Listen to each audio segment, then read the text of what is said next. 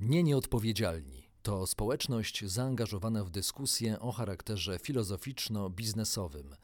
Naszym celem jest uwrażliwienie ludzi biznesu i nas, obywateli, użytkowników tego świata, na różne aspekty odpowiedzialności.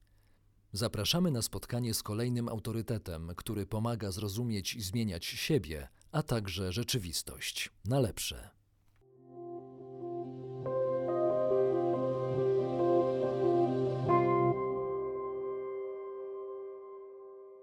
Dzień dobry Państwu. Dzisiaj do rozmowy zaprosiłem najbardziej znaną polską filozofkę, która zajmuje się e, współczesną duchowością i tropią, e, opisuje na różne sposoby. To jest pani profesor Agata Bielik-Robson. Cieszę się bardzo, że zgodziła się pani na e, tę rozmowę, że dała się pani wciągnąć w rozmowę w temacie o antynowoczesności. Tak, dzień dobry. Dziękuję za zaproszenie. Ja jeszcze dodam, że y, pani profesor kieruje zespołem y, do badań nad myślą postsekularną w Instytucie Filozofii i Socjologii Polskiej Akademii Nauk i wykłada w Katedrze Studiów Żydowskich y, na Uniwersytecie w Nottingham.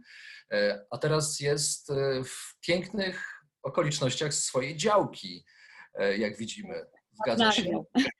Tak, tak. Wszystko się Nad zgadza. Narwią. Nad Narwią. Jestem na tarasie, a w tle kurpiowska chata.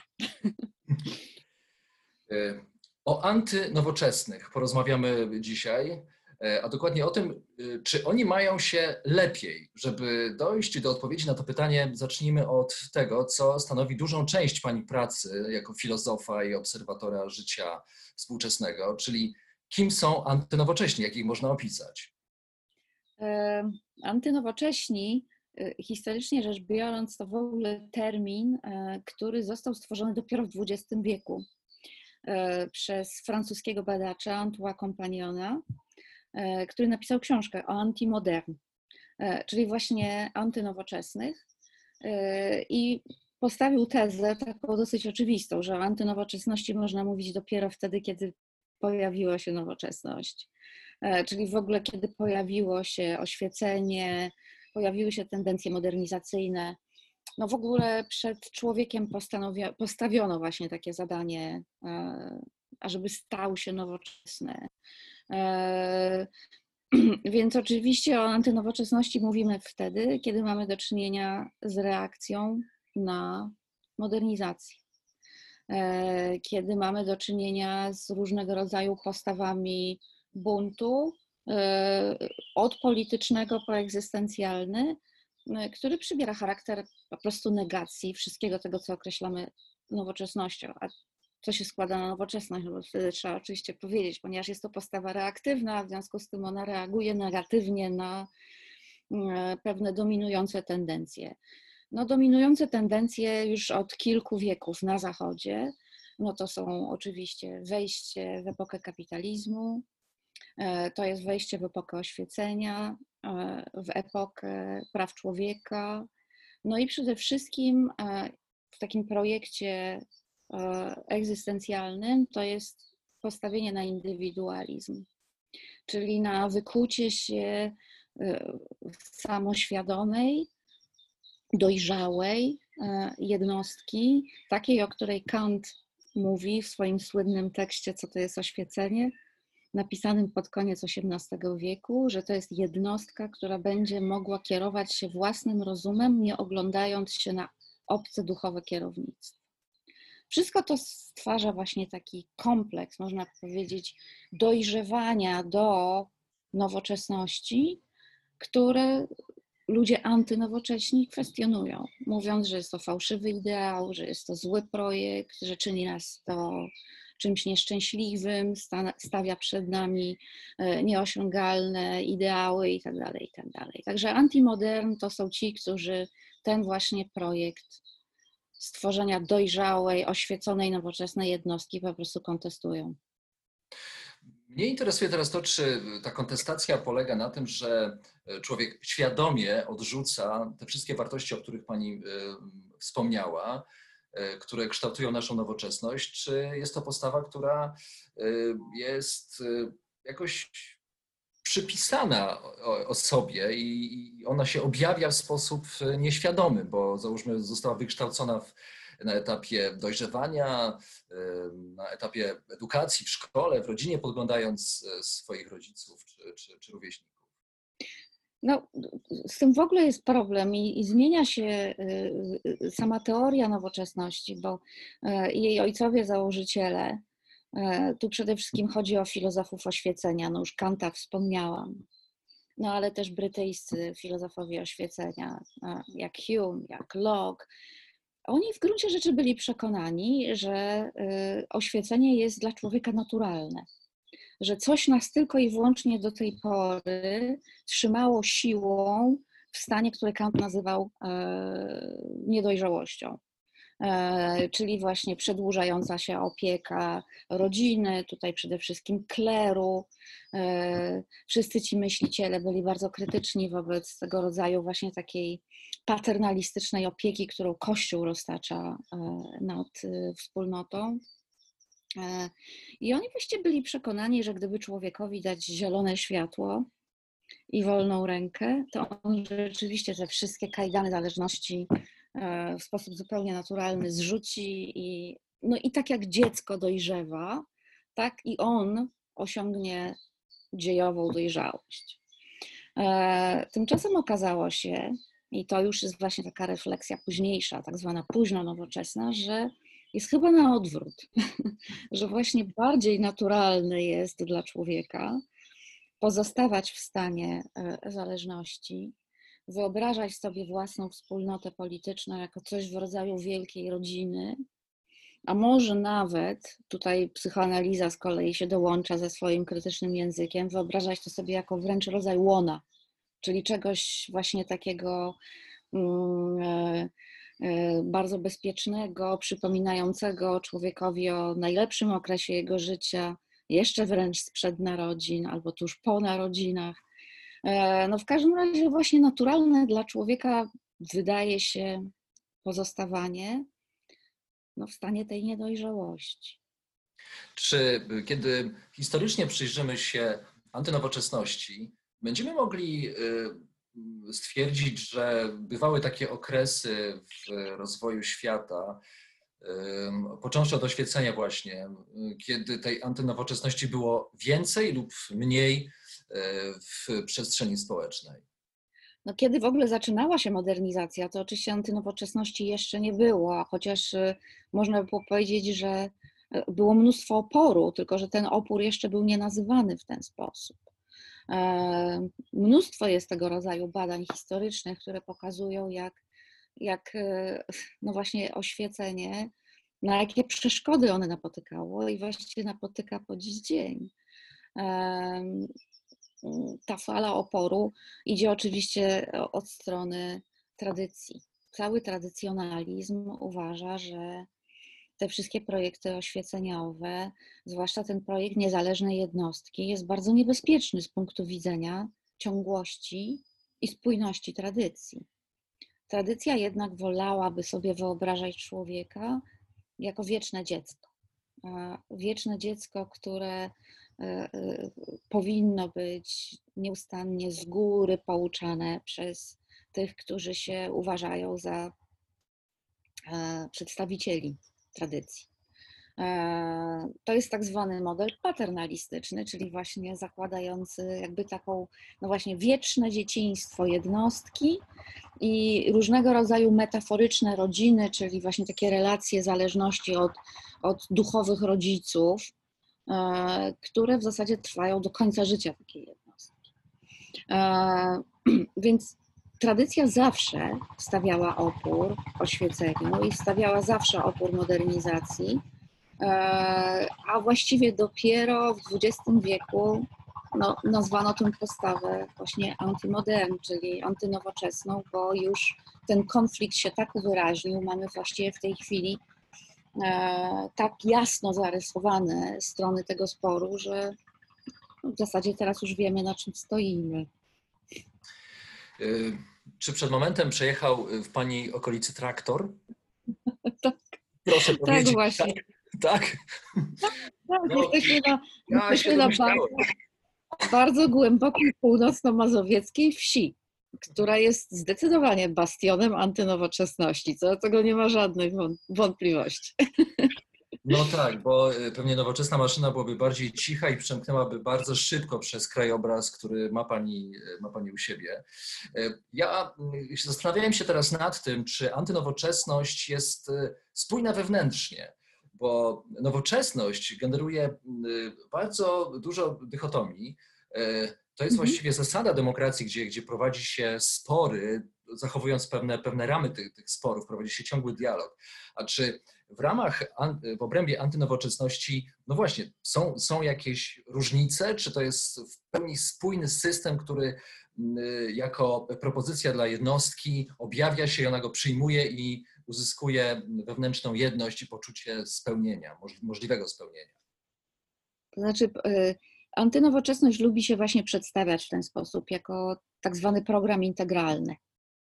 E, wszyscy in, tak zwani integryści, ten termin pochodzi od Juliusa Ewoli, który jest e, takim patronem, e, dwudziestowiecznym założycielem właśnie integryzmu,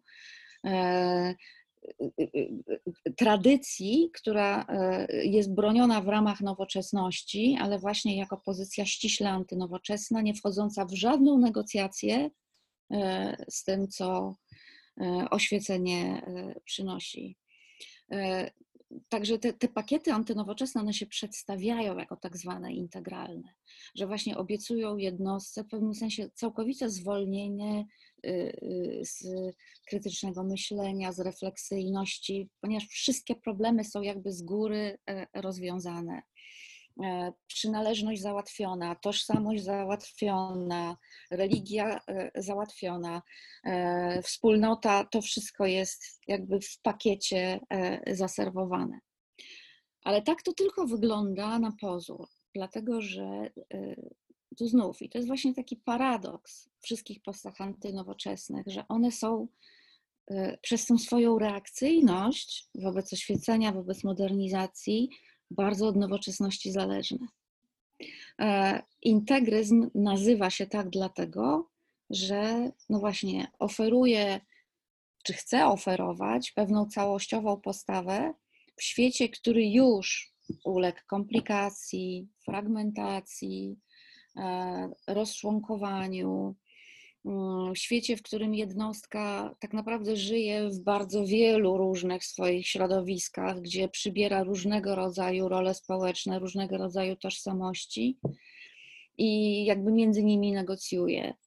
My już nie żyjemy w takich światach. Integryzm jest rodzajem antynowoczesnej utopii, ale oczywiście przemawia do bardzo wielu umęczonych y, obywateli późnej nowoczesności, których po prostu komplikacja tego zglobalizowanego świata przerasta. I wtedy jakby przyjmują ten prosty program. Uwiedzeni są tą ideą właśnie integralnej tożsamości, która im załatwi wszystko od narodzin przez życie dorosłe e, aż po śmierć. Ale trzeba pamiętać, że to jest, ja to podkreślam, iluzja dlatego że nawet najbardziej antynowoczesne jednostki dzisiaj, e, te, które właśnie głoszą tradycjonalizm, integryzm i tak dalej, e, są szalenie uwikłane od świata nowoczesnego, choćby od technologii. Tradycjonaliści to ludzie, którzy jednocześnie E, znaczy chcieliby głosić jak najbardziej przednowoczesne i przedoświeceniowe poglądy, a z drugiej strony nie wahają się korzystać pełnymi garściami z osiągnięć nauki i technologii, która bez tego oświecenia w ogóle nie byłaby możliwa.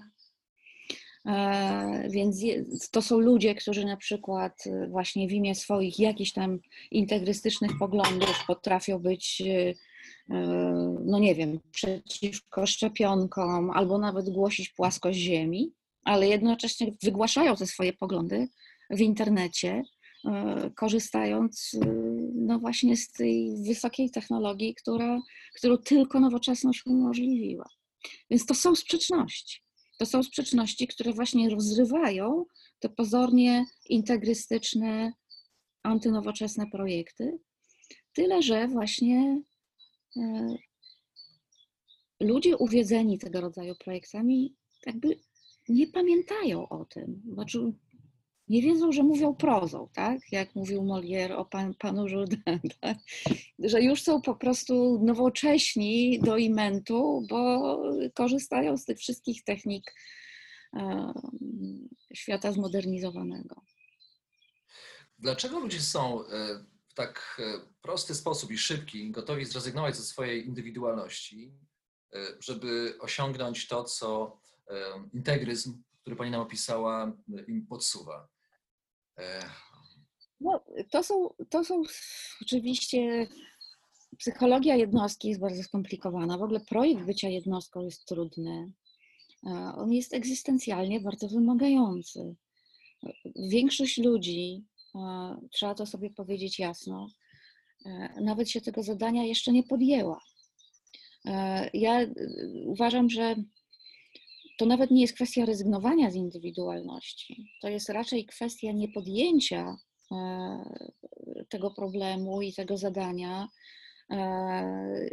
i, i niechęci do zrobienia tego. Mm, w związku z tym to jest taka jakby, no właśnie, raczej wola, tak jakby powiedział Kant, pozostania w wiecznym dzieciństwie i odsuwania tej perspektywy e, dojrzewania i indywiduacji, no właściwie na zawsze. Jakimi narzędziami dysponują jeszcze antynowocześni, oprócz internetu, o którym Pani wspomniała, do tego, żeby prowadzić e, e, no, swoją, ja to nazywam uzurpacją, przejęciem władzy dusz, umysłów nad największą częścią społeczeństwa, jak to możliwe? No, używają właściwie no, wszystkich mediów, jakie właśnie ten e, nowoczesny świat y, oferuje. To też z kolei pokazuje pewną e, wewnętrzną kruchość, wrażliwość procesów modernizacyjnych, to znaczy tego, że świat nowoczesny e, e, stworzył techniki, e, które są wykorzystywane przeciwko niemu. I w pewnym sensie jest wobec nich bezradny, dlatego że mm, ludzie, którzy nie uświadamiają sobie tej sprzeczności, jest ich większość, po prostu traktują, e, traktują całą tę technologię jako rzecz po prostu, nie wiem, daną albo wręcz daną na sposób naturalny. E, ale szerząc tę swoją propagandę i ten swój taki antynowoczesny model, e, model życia, no absolutnie podkopują gałąź, na której sami siedzą. No, oczywiście to jest nowoczesny świat wypracował i umożliwił techniki, które teraz zwracają się przeciwko niemu. Jedyne, co oczywiście można robić w tej sytuacji, to próbować ludziom nieustannie uświadamiać taką właśnie aporię, taką sprzeczność egzystencjalną, w której się znaleźli, tak? że, e, że no, nie można zachwalać antynowoczesnego modelu życia, który już w, w, naprawdę w skrajnych e, przypadkach to jest jakaś próba powrotu do jaskiń. Do tego jeszcze dołącza się właśnie bardzo fałszywie po, pojęta jakaś ekologiczna świadomość.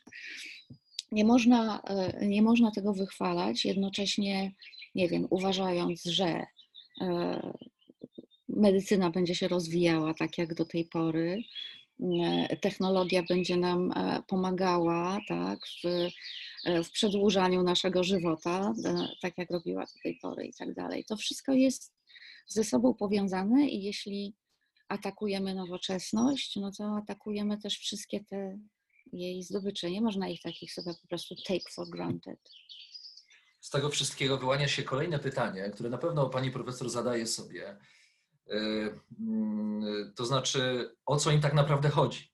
O co, jak wyobrażają sobie ten świat antynowocześnie i antynowoczesny, e, że powinien być poukładany? Czy my powinniśmy się znaleźć z powrotem w XIX wieku, załóżmy, i każdy z nas powinien mieszkać w, na wsi, chodzić po wodę wiad, z, wiad, z wiadrem, żeby ją ze studni wyciągnąć, raz w tygodniu udawać się konno czy, czy podwozem do, do, do miasteczka na msze mm, i tam jeszcze na targu, nie wiem, coś, coś kupić jak, jak, jak ten świat antynowoczesny ma tak naprawdę wyglądać, skoro jesteśmy, no właśnie, krokiem raczej gdzieś już w kosmosie?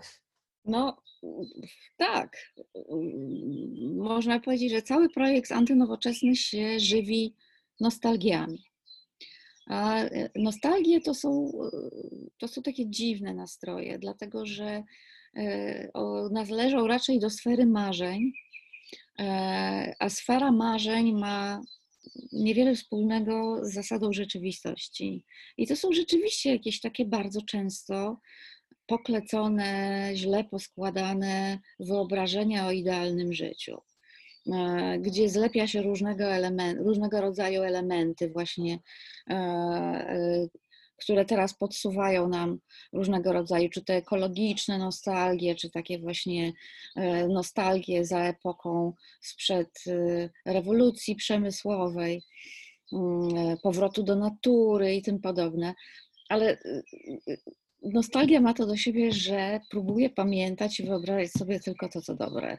Natomiast zupełnie zapomina o takim złym rewersie tak? tego, tego powrotu. No, no, już o tym mówiłam, tak? Powrót do natury, no ale właśnie kilka tysięcy lat temu z wielkim trudem człowiek z tej natury właśnie się wydobył, ponieważ w naturze miał bardzo nikłe szanse przeżycia, jako w gruncie rzeczy bardzo słabe zwierzę. Więc musiał zbudować cywilizację, ażeby się od tego wpływu e, przyrody wyzwolić. E, dzisiejsza na przykład antynowoczesna e, nostalgia ekologiczna w ogóle o tym nie pamięta. Tak? Wyobraża sobie tylko, idealizuje sobie to łono natury właśnie znowu jako łono, natomiast zupełnie nie pamięta o czy nie zachowała już tej pamięci o potwornych zagrożeniach, jakie, y, jakie niosło e, takie bezpośrednie życie e, w przyrodzie. E, więc problem z antynowoczesnymi jest, jest raczej taki, że, że wszystkie te projekty, one się żywią no właśnie pragnieniami nostalgicznymi, i, i, a, a, a nostalgie, no tak jak właśnie powiedziałam, to nie są spójne projekty. Mm. E, gdzieś oczywiście jest jakaś prawda egzystencjalna za tym wszystkim. E, taka mianowicie, że ten późno nowoczesny świat, jak już wspomniałam, jest szalenie skomplikowany i jak to się mawia w filozofii, wyalienowany. E, nikt już tak naprawdę nie rozumie, na jakiej zasadzie on działa. I e, myśliciele, którzy też badają właśnie tego różnego rodzaju antynowoczesne procesy, mówią, że podstawą tej nostalgii jest próba powrotu do tak zwanego świata życia. Że tym, co późna nowoczesność nam odebrała, to jest tak zwany Lebenswelt, czyli świat bezpośredniego życia. Świat, w którym e, żyjemy lokalnie, ten świat jest dla nas w miarę przejrzysty, ogranicza się do kilkudziesięciu znaczących kontaktów międzyludzkich. E, my jesteśmy w tym świecie zakorzenieni, e, no i po prostu w związku z tym czujemy się dobrze. Tak zwana mała skala. Antynowocześni dzisiaj zwłaszcza zawsze podkreślają to, że nowoczesność odebrała nam świat życia i w związku z tym wrzuciła nas w jakiś taki właśnie dzi dziwny, zimny, nieskończony kosmos, w którym po prostu życie zamiera. I z tymi swoimi różnymi integrystycznymi projektami obiecują nam właśnie taką rekonstrukcję świata życia. Ale trzeba pamiętać, że Elementem każdej nostalgii jest złudzenie, tak? bo tego rodzaju powrotów po prostu nie ma. Ich się w historii zrobić nie da. Podobnie jak sądzę, pani profesor zgodziłaby się ze mną, że no, nie wytrzymalibyśmy długo. Wracając z powrotem do okoliczności XIX-wiecznych czy, czy z początku XX wieku, żeby się zamknąć w jakiejś małej miejscowości e, czy, czy, w małej społeczności i tam e, przeżyć e, całe swoje 80-letnie życie, średnio załóżmy, człowieka, człowieka mm, żyjącego na Zachodzie, bo tego, bo tego czasu by się okazało nagle za dużo, za mało możliwości do tego, żeby po prostu siebie zrealizować. Nie wytrzymalibyśmy ze sobą, może byśmy sobie nawet skoczyli do gardeł. A no, teraz... Y, mhm. Znaczy, to oczywiście różnie to wygląda, bo y, na przykład to bardzo ciekawe doświadczenie lockdownu czy kwarantanny, z którego wiele ludzi wyszło w gruncie rzeczy bardzo zadowolonych, że właśnie doświadczyli takiego ograniczenia tego, tego świata, który do tej pory wydawał się właśnie taki bez granic. E, zostali zmuszeni do tego, żeby właśnie ograniczyć się do powiedzmy mieszkania, ogródka, ewentualnie właśnie tej, tej, tego lokalnego otoczenia. I po tych kilku miesiącach doszli do wniosku, że w zasadzie żyje im się znacznie lepiej. No tak, ale wspomniała Pani, że oni wyszli. Coś oczywiście. E, wspomniała Pani o tym, że oni wyszli. Czyli po prostu znowu wchodzą w świat. Poza tym no, lockdown, którego doświadczamy, chyba w części wciąż chyba służył wtedy do, po, do uporządkowania swoich spraw.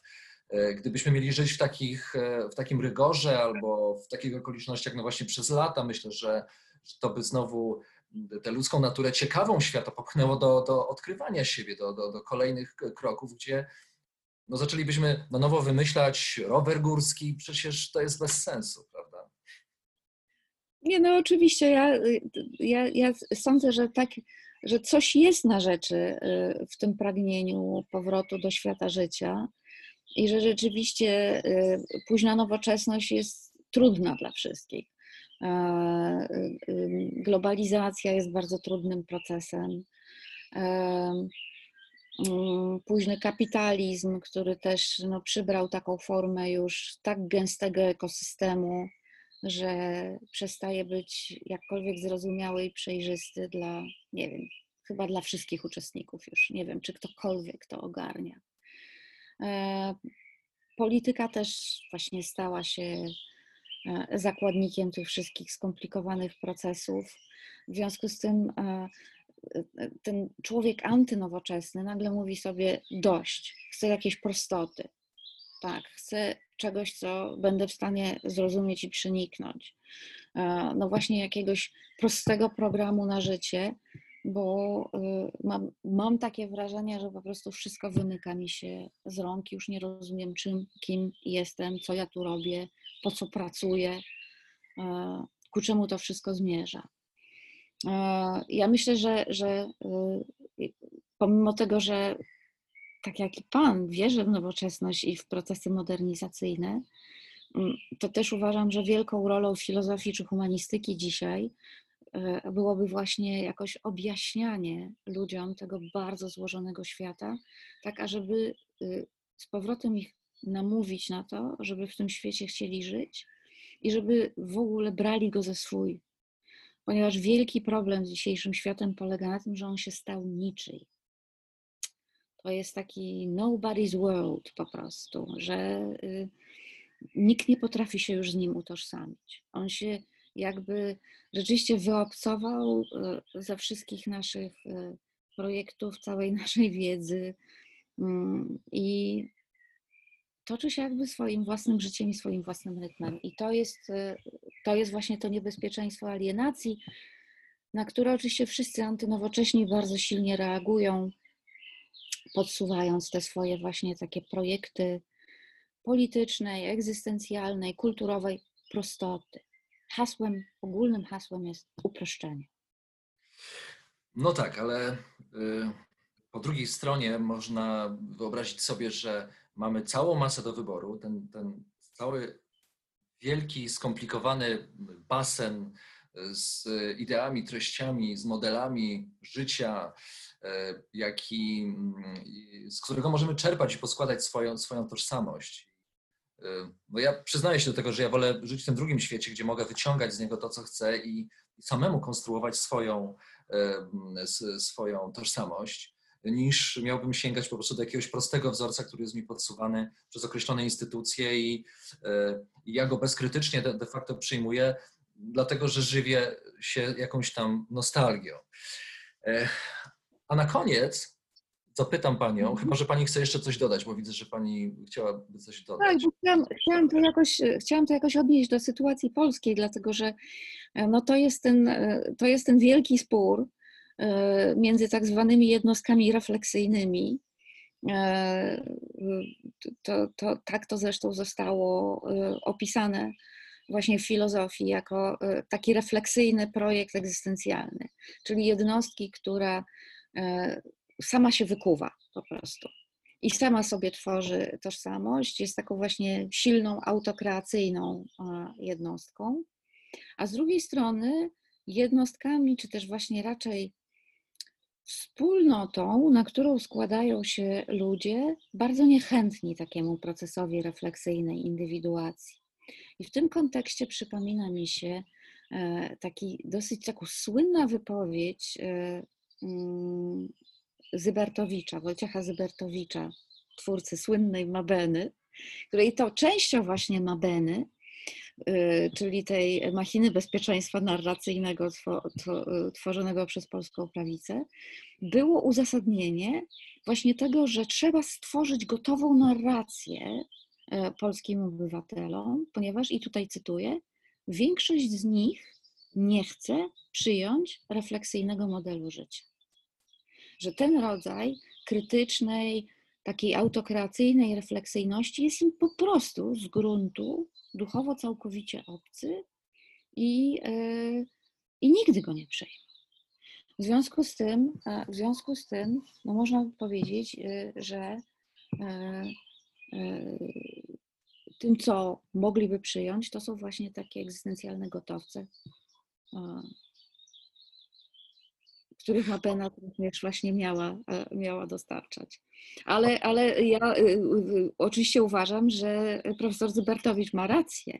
Na tym polega, to jest wielka oś sporu w Polsce, właśnie między tymi, którzy no, pragną tej nowoczesności i rzeczywiście są jej po prostu spragnieni nigdy jej w Polsce nie było. E, I, I, mieliśmy ją zaledwie przez ostatnie kilkadziesiąt lat, po 1989 roku.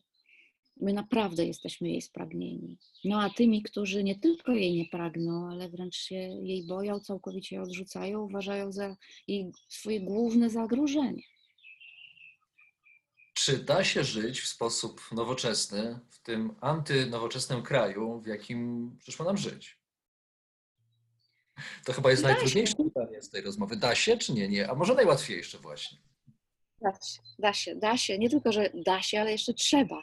Znaczy to jest, y, tak jak powiedziałam, my nie należymy, y, my należymy do bardzo osobliwej y, grupy obywateli tego późno nowoczesnego świata, którzy w przeciwieństwie do ludzi pierwszego zachodu, na przykład moich kolegów w Anglii, którzy się po prostu przyzwyczaili do nowoczesności. Oni są nowocześni.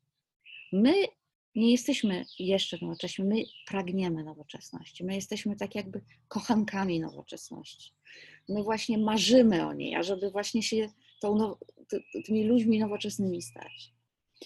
I to oczywiście jest, to jest bardzo specyficzna pozycja, E, e, która sprawia, że ja to wiem też właśnie w swoich badaniach, że, że, że, że dla mnie nowoczesność znaczy coś innego niż dla moich e, kolegów akademików z brytyjskiego uniwersytetu. No, oni to przyjmują za rzecz oczywistą. To jest ich dana. Dla mnie to nie jest dana. Dla mnie to jest misja, to jest zadanie i też swojego rodzaju utopijne marzenie. Więc jak pan się pyta, czy da się żyć w Polsce, to ja mówię, że nie tylko się da, ale jeszcze właśnie trzeba, bo e, w pewnym sensie stajemy się takimi przykładami tego, że no właśnie, modernizacja nie ma w sobie, że, że, że, że bycie człowiekiem nowoczesnym to nie jest jakiś belzebub, to nie jest jakaś rzecz do demonizacji, jak to przedstawia e, Polska, polski kościół, czy cała właśnie tradycyjna, e, e, integrystyczna prawica. Tylko, że można dobrze żyć, można być dobrym dla innych i dla świata na nowoczesny sposób. Że tradycja naprawdę nie ma e, ostatniego słowa, na przykład w wyznaczaniu kryteriów i norm etycznych. Mm. Że nie jesteśmy jakimiś lemmingami, egoistami, e, workami skórno-mięśniowymi pozbawionymi duszy, tak? Tylko w pełni dojrzałymi, odpowiedzialnymi, czy też właśnie nie nieodpowiedzialnymi e, ludźmi, którzy po prostu wybrali inny sposób bycia człowiekiem. Pani profesor, do tego pokoju, który można by nazwać refleksją o, o Polsce i o naszym mieście, miejscu w, w Europie, weszliśmy od e, tyłu, tak mi się wydaje, to znaczy od strony antynowoczesności, ale aż się prosi, aby porozmawiać o nowoczesności, a panią ktoś już odciąga na jakieś pyszne jedzenie. Ja wiem, bo mieliśmy w, podczas rozmowy towarzystwo e, kogoś przez okno, które, które widać e, Tak. przez kamerę i tam, tam ten, ta osoba, o, tam są, tam, tam, tam widać tego pana. Proszę go pozdrowić ode mnie i życzymy, życzymy wszyscy smacznego. Na pewno szykuje jak, jak, jak, to, to jak nawet tylko, tylko akurat, akurat przyszli, przyszli Państwo ze wsi, bo żeśmy ich poprosili, żeby przyszli, ale nie wiedzieliśmy, że przyjdą dzisiaj wieczorem zamontować na zmywarkę. Więc No, jesteśmy też, cieszę się z tego powodu, że jesteśmy świadkami też e, takiej po prostu codzienności u, u Pani. E, Bardzo dziękuję. Tak jak zapowiedziałem, będę starał się zaprosić Panią do kolejnej rozmowy, tym razem o nowoczesności i o tym, jak rzadko o nowoczesności w Polsce rozmawialiśmy i wciąż rozmawiamy. Pani profesor Agata Bielik-Robson była naszym gościem. Dziękuję bardzo. bardzo dziękuję. Dobranoc.